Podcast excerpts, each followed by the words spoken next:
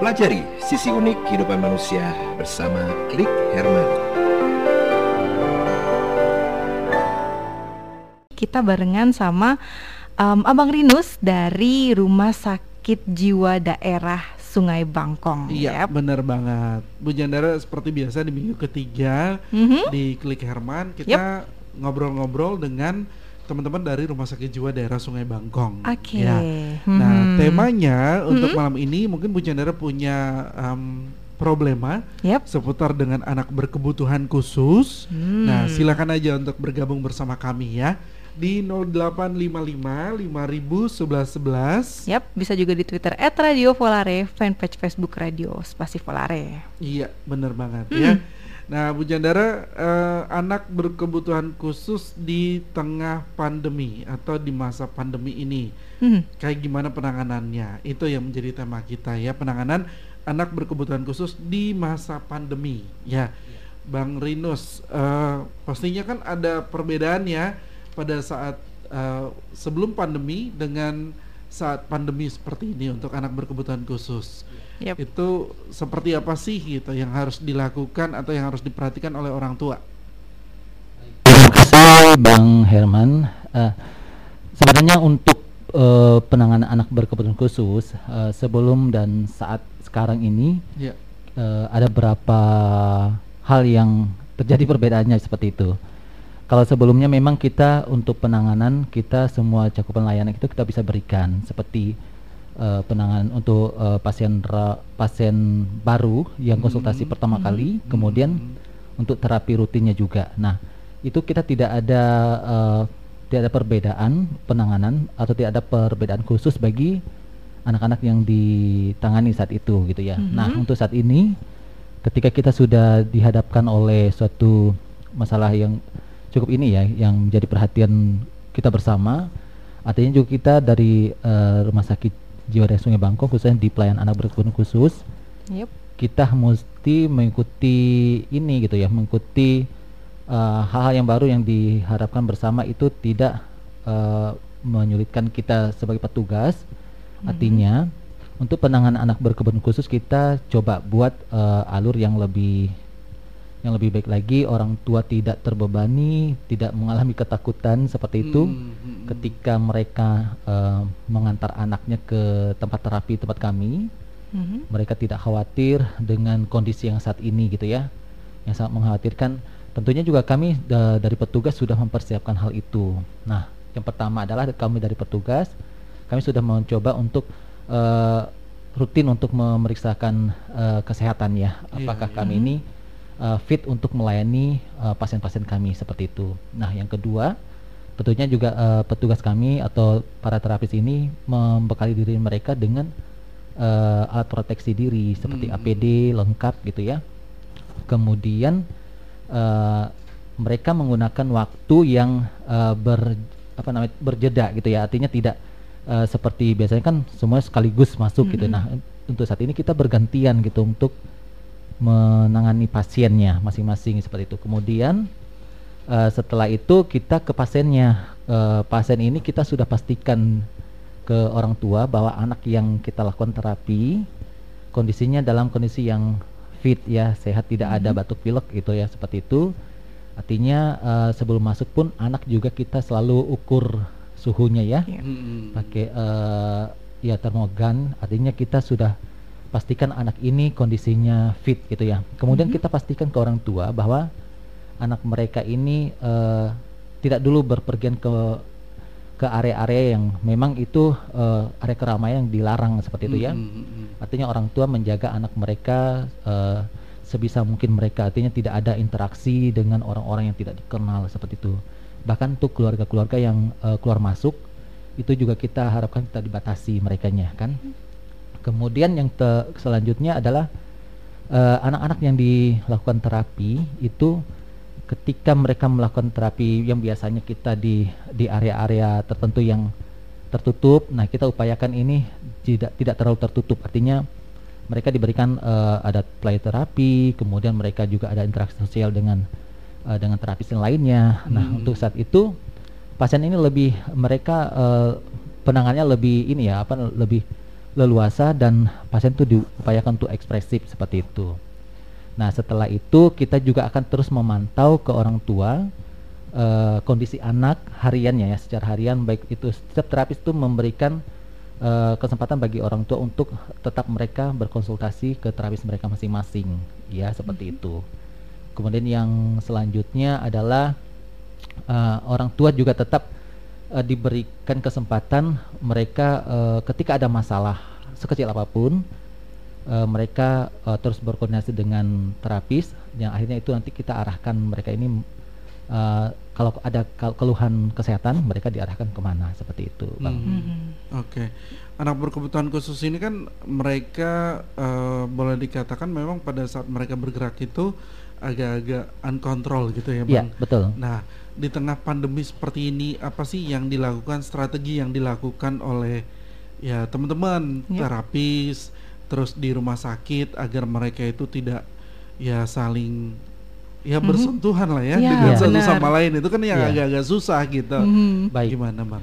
Uh, tadi uh, di awal kita uh, untuk kita ada sekitar uh, berapa terapis gitu ya. Mm-hmm. Dalam satu jam itu kita uh, upayakan anak yang terapi tidak penuh, mm-hmm. ruangan terapi itu tidak penuh terisi.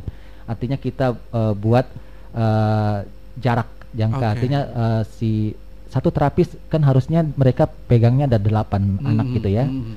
Kita upayakan uh, satu terapis ini megang 2 sampai empat maksimal. Nah, artinya mm-hmm. setiap uh, satu jam itu uh, ada satu atau dua anak yang diterapi. Artinya dalam satu jam ini biasanya kan ada ada sekitar delapan anak itu jadi kita uh, kurangin gitu ya. Hmm. Nah kita berikan prioritas bagi eh, anak-anak yang memang mereka uh, masih untuk progresnya itu masih kurang gitu ya. Oh, Artinya okay. kita uh, melihat dulu uh, status uh, perkembangan pasien ini. Uh -uh. Uh, apakah dia perlu penanganan secara berkelanjutan atau hmm. bisa dihentikan sesaat nah seperti itu. Nah, kalau semuanya dilihat dari uh, progresnya sudah cukup baik, kita uh, coba seminggu sekali pasiennya. Hmm. Yang biasanya kan seminggu dua kali. Nah, itu satu minggu sekali. Kemudian kalau memang ada pasien-pasien tertentu yang atau anak-anak tertentu yang kondisinya tidak baik, batuk sedikit aja atau pilek sedikit aja kita upayakan itu jangan ikut terapi dulu. Iya. Nah, ya, itu benar. sangat uh, kita uh, berpengaruh dengan betul. mereka juga ya. Mm-hmm. Nah, antusias dari orang tua Bang Rinus di mm-hmm. tengah pandemi seperti ini untuk terapi anaknya seperti apa sih?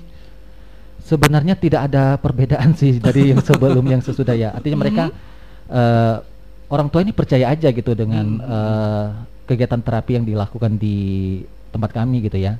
Mereka uh, sudah seperti apa ya kayak uh, mereka tuh ngasih anaknya ke orang tua yang kedua orang gitu kan. Kedua, iya. Jadi uh, kami kami ini sudah dianggap sebagai uh, orang tua si anaknya mereka gitu ya. Mm -hmm. Mereka percaya saja. Artinya sih uh, sejauh ini kami uh, juga tetap uh, mengikuti aturan atau anjuran yang disampaikan oleh pimpinan kami, kemudian juga dari uh, pemerintah gitu ya terkait dengan penanganan pasien-pasien uh, tertentu ini. Mm -hmm. uh, orang tua tetap kita berikan pemahaman bahwa hmm. kita coba uh, buat metode baru gitu ya. Uh, walaupun anaknya cuma sekali dapat sehari, uh, seminggu sekali, tapi di rumah itu tetap kita capai 8 jam minimal gitu ya. Mm-hmm. Jadi anak ini uh, tidak putus, dia tidak terapi dengan terapis, tapi tetap terapi dengan orang tua atau mungkin ada ada keluarga yang bisa membantu. Nah itu tadi terapi mandiri yang harus di kita coba tetap tingkatkan gitu ya di tengah pandemi ini. Oke, okay. hmm. caranya gimana bang untuk hmm. terapi mandiri ini kan hmm. banyak orang tua kan yang ya. menyerahkan ke terapis, terapis gitu. ya betul. Hmm. Nah agar mereka juga seminggu dengan uh, berapa kali sebelum pandemi tadi tiga hmm. kali ya? Tiga sampai uh, dua sampai tiga. Dua sampai tiga. Ya. Nah, uh, pada saat pandemi dia hanya sekali gitu. Iya, betul. Nah, apa yang dilakukan oleh orang tua nih biasanya? Uh, sebenarnya uh, apa namanya? Uh, ketika orang tua sudah mengetahui anaknya memerlukan terapi mm-hmm. rutin gitu ya. eh, setiap terapis itu sudah punya program terapi masing-masing bagi anak-anak yang mereka tangani, termasuk bagi orang tua ya. Artinya orang tua ini sudah dipersiapkan, sudah dibekali dengan eh, dengan teknik terapi yang diberikan secara eh, eh, diberikan harian ya kepada anak-anak mereka. Nah, lewat buku penghubung, lewat eh, program terapi yang eh, terapis ini berikan itu juga tetap dikomunikasikan dengan orang tua. Nah, Mhm. karena di tempat kami ini kebanyakan mereka ada terapi perilaku, bicara itu jadi orang tua bisa melakukan program terapi yang eh, terapis ini sampaikan. Nah, artinya orang tua itu dibekali gitu ya. Mm-mm. Orang tua ini tidak dibiarkan eh, melakukan terapi begitu saja. Artinya Mm-mm. mereka eh, setidaknya punya punya ilmu sedikit itu ya secara teori mereka dibekali lewat eh, kegiatan parenting class. Tapi secara prakteknya mereka juga dibekali lewat eh, kegiatan-kegiatan kecil yang dilakukan oleh terapis dengan orang tua pada saat terapi. Oke. Ketika orang tua itu bingung eh, semuanya bertanya "Eh, Pak Rino saya eh, bingung untuk melakukan eh, instruksi ini atau kegiatan ini kategori ini itu sedikit menyulitkan saya Hmm. ya kita upayakan orang tua itu kita untuk eh, mereka diajak dilibatkan entah mereka menjadi prompter dulu ya atau Hmm. sebagai eh, terapis membantu di, di belakang anak itu kita upayakan eh, orang tua ini paham gitu ya apa yang dilakukan Mhm. tidak ada uh, sesuatu yang disembunyikan oleh terapis ini kepada anak yang diterapi bagi orang tuanya. Artinya orang tua tuh melihat uh, dengan mata kepala sendiri apa yang dilakukan oleh terapis, mereka juga nanti akan lakukan itu di rumah. Oke. Oh, Oke. Nah, Mhm. Dan ini tambahan lagi bang, uh, karena yang banyak waktu dengan anak itu adalah orang tua, Hmm. jadi terapis ini pun juga berharap anak ini sebanyak mungkin durasinya ditangani oleh orang tua Oke. seperti itu. orang tua. Hmm, Intinya orang tua belajar lah ya. Iya. Betul, Hmm. Ya, betul. anaknya belajar, orang tua juga harus belajar. Di masa pandemi nggak tahu juga kapan berakhirnya. Aduh. Semua orang pada galau, apalagi ibu-ibu ya. Ah, benar benar Nah, benar. Tapi Kalau- beruntungnya mungkin ada yang dapat BLT juga ya. Tapi banyak sedihnya juga sih Iya. Herman ya. iya bener banget. Kita nggak bisa jalan-jalan dengan Hmm, bener. sepuasnya Benar gitu ya. banget. Nah, Mm. tapi di satu sisi anak-anak berkebutuhan khusus ini tetap harus ditangani dong. Benar benar. Nah. Kalau orang seperti kita aja memang ada sesuatu yang dikhususkan gitu kan, Mm-mm. apalagi anak yang berkebutuhan khusus. Benar sekali. Nah. Nah, tadi kan sempat kita pengen nanya nih sama Bang Rinus ya. Iya. Nah, ada nggak sih virtual terapi gitu yang dilakukan untuk anak berkebutuhan khusus? Kalau sekarang kan sekolah Sekolah Virtual. virtual, rapat Terus virtual, semuanya virtual ya. Kemudian Hmm. Apalagi ya ngedet virtual ya? Ngedet, aduh, ngedet kalau ngedet sih itu udah lain urusannya ya. lain urusannya. Gimana Bang Rinus ada nggak virtual terapi yang dilakukan? Baik, pertanyaannya bagus sekali.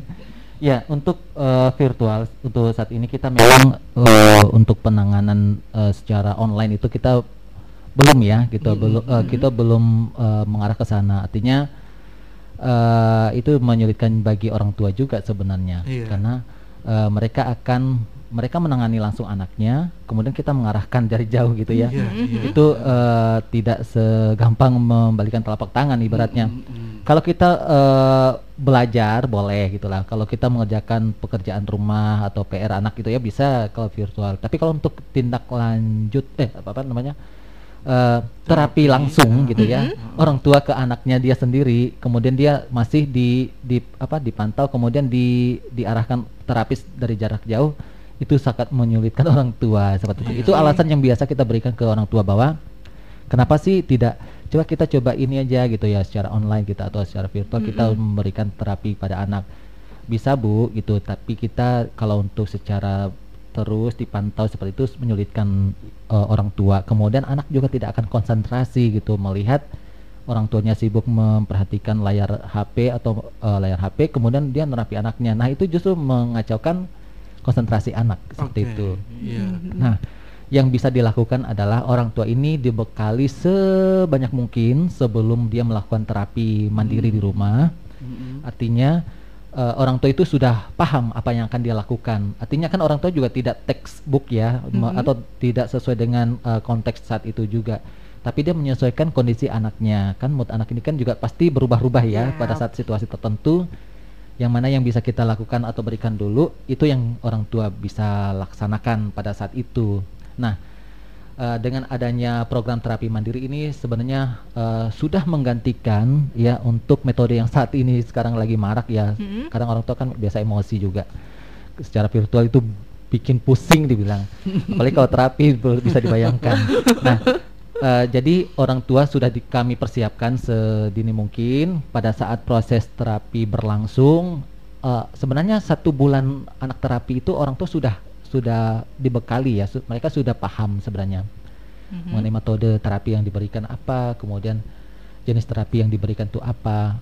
Bahkan orang tua juga sudah paham mengenai diagnosa yang di, uh, diberikan oleh dokter kepada anak mereka. Artinya dengan, di, dengan diagnosa yang ada, berarti sudah ada uh, rencana-rencana uh, terapi yang akan diberikan bagi anak tersebut. Nah, orang tua juga harus paham dengan hal uh, dengan hal tersebut gitu ya.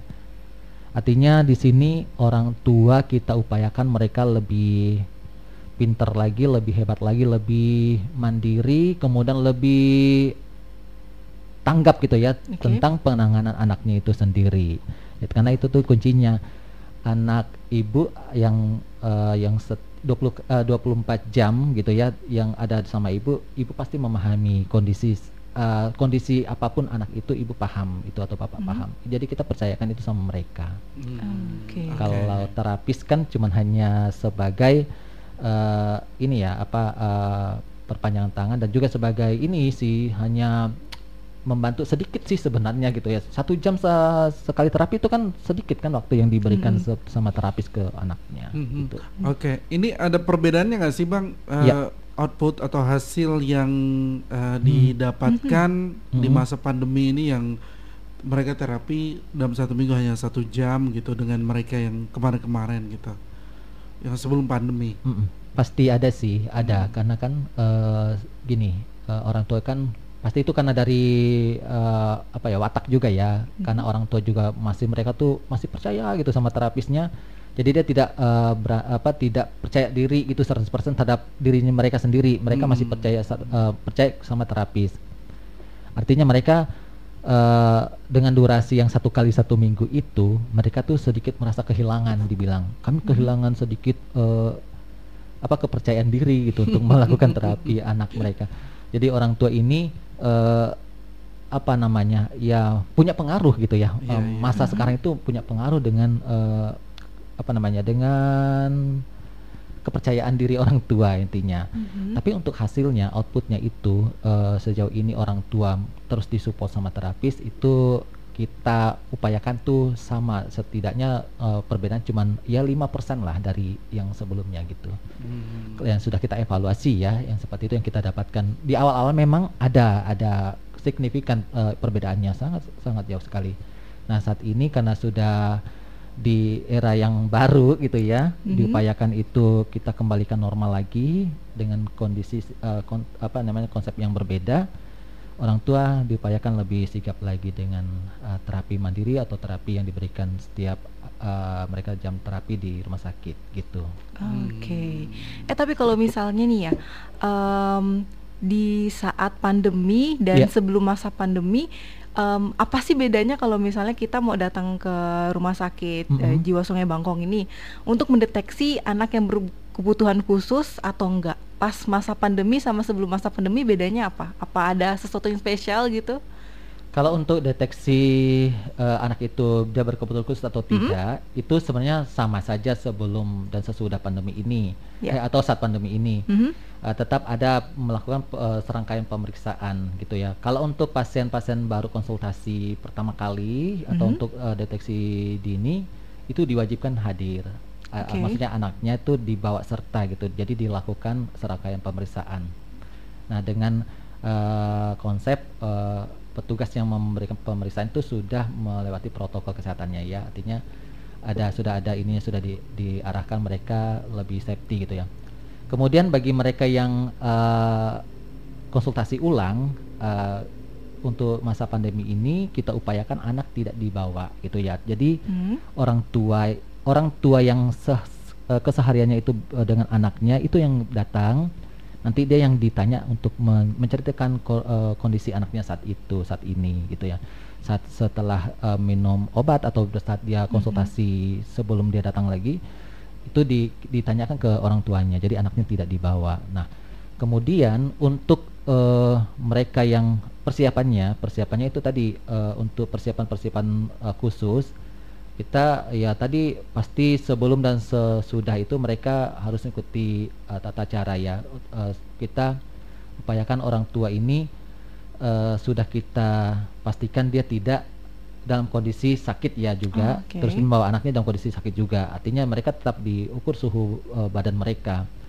Jika memang itu lebih dari suhu yang disarankan kita upayakan orang tua uh, istirahat dulu 15 menit kemudian kita ukur lagi kalau memang itu masih tinggi kita upaya uh, sarankan untuk pulang Hmm. pulang dalam Mhm. artian uh, konsultasi ke uh, mungkin ke dokter kalau orang tuanya yang panas gitu ya atau Hmm. demam orang tuanya berobat gitu ya kalau anaknya ya anak anaknya kita sarankan berobat di eh, apakah di ini apa dengan dokter umum atau dokter anak atau atau spesialis yang bisa menangani Iya. karena Mhm. untuk anak-anak berkebutuhan khusus mereka kan pasti eh, ke psikiatri anak ya Iya. eh, konsultasinya Hmm. Artinya itu kalau untuk secara fisik mereka kembali ke dokter anak dulu.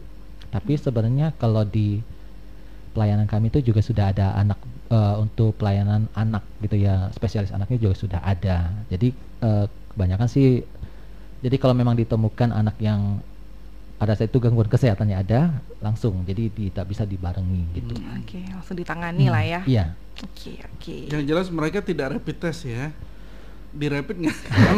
nggak mungkin ya Iya. anak-anaknya. eh, Agak susah ya atau gimana? Tapi Pak? ada juga Ada anak- ya? eh, orang tua yang memang mereka yang prepare gitu ya Heeh, eh, heeh, untuk heeh. penanganan anak mereka supaya orang tua itu percaya gitu anaknya eh, sudah ditangani berminggu-minggu atau berbulan-bulan di sini apakah ada gitu yang membawa gitu? Dan kami sih petugas sudah tentu sudah menjelaskan sudah menginformasikan bahwa kami eh, berkala eh, dilakukan rapid test seperti itu. Mungkin untuk yang bulan ini sih kita masih masih masih coba lagi kita mengajukan lagi untuk eh, rapid untuk petugas yang hariannya ya seperti Mhm. itu tapi kalau orang tua ah, sudah ada sih yang mereka sudah apa namanya eh, memeriksakan anak mereka sendiri gitu Hmm, Hmm. hmm, hmm.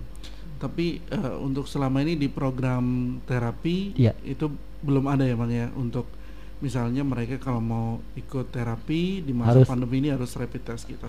nggak ada sih ya karena Nggak ada gini ya? eh, kita pastikan karena anak-anak ini kan karena kebutuhan khusus mereka Mm-mm. dalam pengawasan dan tidak kan sudah disampaikan tidak diperbolehkan untuk keluar masuk rumah gitu ya artinya Hmm. mereka eh, jalan-jalan ke mall jalan ke tempat keramaian yang lain itu Mm-mm. terus orang tua juga dipastikan jangan eh, apa namanya eh, mungkin di pasar ya pasar-pasar eh, apa namanya Tradisional. tradisional itu kan mereka pasti nggak tahu gimana kondisinya Heeh. Nah, diupayakan orang tua ketika ada keluar rumah ya pastikan mereka mandi sebelum mandi sebelum melakukan aktivitas di dalam rumah. Saat Hmm. dia datang belanja mungkin langsung mandi gitu ya.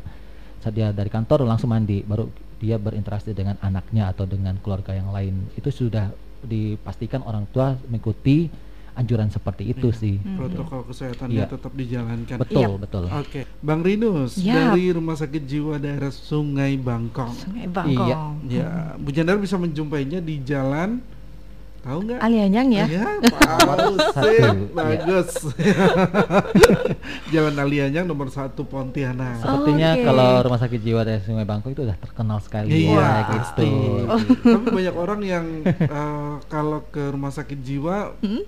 ya pasti mereka beranggapan ya sakit jiwa gitu. Padahal kan Iya banyak stigma itu di sana. ya betul. Makanya kita eh, lagi giat-giatnya gitu ya Mhm. untuk mempublish eh, cakupan layanan kami gitu ya Iya. bahwa bukan eh, dengan gangguan jiwa saja yang ditangani tapi ada beberapa jenis eh, penang ah, jenis layanan anak berkebutuhan khusus jiwa itu sendiri kemudian eh, eh, ini narkoba Narkoba, HIV ya. kemudian ada layanan unggulan ya adalah uh, gitu. Jadi kita lebih me- memfasilitasi masyarakat ini lebih mereka memahami layanan-layanan di sana gitu. Iya, Oke. termasuk geriatri. Betul. Tahu nggak geriatri? Iya. Itu keren banget tuh. Iya, kemarin juga sempat itu ya. Mereka Iya. juga Oke. ya, Geriatri. salah satu layanan di rawat jalan kami Iya, geriatri. Geriatri. Hmm. Taunya Gayatri. Gaya. ya.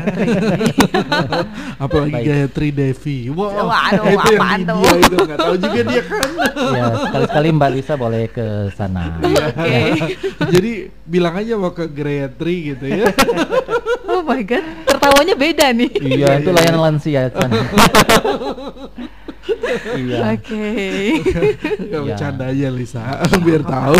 Betul. Geriatri juga punya program loh. Iya. Mereka punya Oke. program layanan mereka. Ada Mhm. home visit, home Mhm. home care gitu ya, di rumah Mhm. bagi lansia yang tidak bisa datang ke rumah sakit jiwa Sungai Bangkong. Oke. Gitu. Bang Rinus, karena waktu kita terbatas Iya. berkaitan dengan penanganan anak berkebutuhan khusus di masa pandemi ini, Iya. apa sih yang harus diperhatikan oleh orang tua? Kemudian eh, gimana caranya untuk membangkitkan orang tua agar tetap mau terapi nih, walaupun Hmm. batas eh, apa durasinya itu dibatasi. Yap. gitu. Iya. Iya. Oke, baik terima kasih Bang Herman sama Kak Lisa. Mhm. Eh, ini untuk orang tua ya sebaiknya mereka tetap ya seperti yang sudah kita sampaikan tadi orang tua tetap menjaga kesehatan orang tuanya dan juga anaknya tetap menjaga protokol apa memakai protokol kesehatan yang sudah disampaikan jangan eh, terlalu lama atau sering berinteraksi dengan eh, orang-orang luar. Artinya kita tetap jaga anak kita bahwa mereka itu spesial mereka beda perlakuannya. Ketika mereka terpapar mereka eh, kadang-kadang keluhan mereka ini tidak seperti keluhan eh, seperti yang dirasakan oleh eh, anak pada umumnya gitu. Kalau anak-anak berkebutuhan khusus mereka eh, tanpa ada keluhan tapi mereka menga- mengalami kesakitan seperti itu. Kalau anak ke- kalau anak normal mereka kalau sakit demam pilek aja mereka sudah em, bilang sama orang tuanya mereka sudah ada ekspresi yang diperlihatkan. Tapi kalau Hmm. anak berkebutuhan khusus mereka jarang ada ekspresi seperti itu. Jadi Uh, mohon orang tua tetap menjaga kesehatan anaknya dengan me- membekali diri. Jangan jangan sering berinteraksi itu tadi. Terus uh, jaga kebersihan. Kalau perlu ketika keluar rumah uh, masuk rumah lah itu langsung mandi ya Mhm. sebelum bersentuhan dengan orang-orang yang terkasih di rumah mandi aja langsung gitu ya ke Indomaret atau ke mana pun juga langsung mandi gitu Iya, mau iya, ke mana pun nah kemudian ketika mendapatkan eh, jadwal terapi yang sudah di, diatur, ikuti saja dulu itu, kemudian tetap tingkatkan pemahaman untuk terapi mandiri dan lakukanlah terapi mandiri di rumah eh, secara berkelanjutan. Jangan sampai bosan dan upayakan dicapai eh, minimal 8 jam setiap harinya ya. Itu yang penting bagi orang tua. Jangan berkecil hati kalau saat ini eh, kedatangannya dikurangi menjadi satu kali seminggu gitu. Hmm, Ya. Terus oke. semangat bagi orang tua. Oke, tetap semangat ya. Tetap semangat. Walaupun dengan keterbatasan. Iya. Karena semuanya serba dibatasi kan. Iya, untuk tapi saat ini. orang tua sebenarnya beruntung ya, karena Hmm. eh, terapis juga tetap memberikan kesempatan bagi mereka untuk ber, eh, kalau memang ada hal-hal yang mau disampaikan, mereka langsung saja bisa sampaikan ke terapisnya Mhm. dan nanti terapis yang akan mengarah- mengarahkan mereka apa yang harus dilakukan seperti itu. Oke. Masih dibuka ya untuk pasien baru? Masih, masih, Masih ya, tetap, Tet- ya, tetap ada dibuka pelayanan, tetap. walaupun eh, di tengah pandemi, Pandemi, seperti betul. ini. Hmm. Oke. Iya. Bang Rinus terima kasih sudah Yap. hadir di Klik Iya. Herman untuk malam ini. Ya terima kasih juga Bang Herman, Kalisa. Semoga uh, apa yang tadi disampaikan itu bermanfaat bagi bujang dara, terutama bagi orang tua yang punya anak spesial. Terus semangat, jaga kesehatan dan sayangi keluarga. Oke, Oke, amin, salam untuk amin. teman-teman di Rumah Sakit Jiwa Daerah Sungai Bangkong. Terima kasih. Selamat malam Bang Rinus. Pelajari sisi unik kehidupan manusia bersama Klik Herman.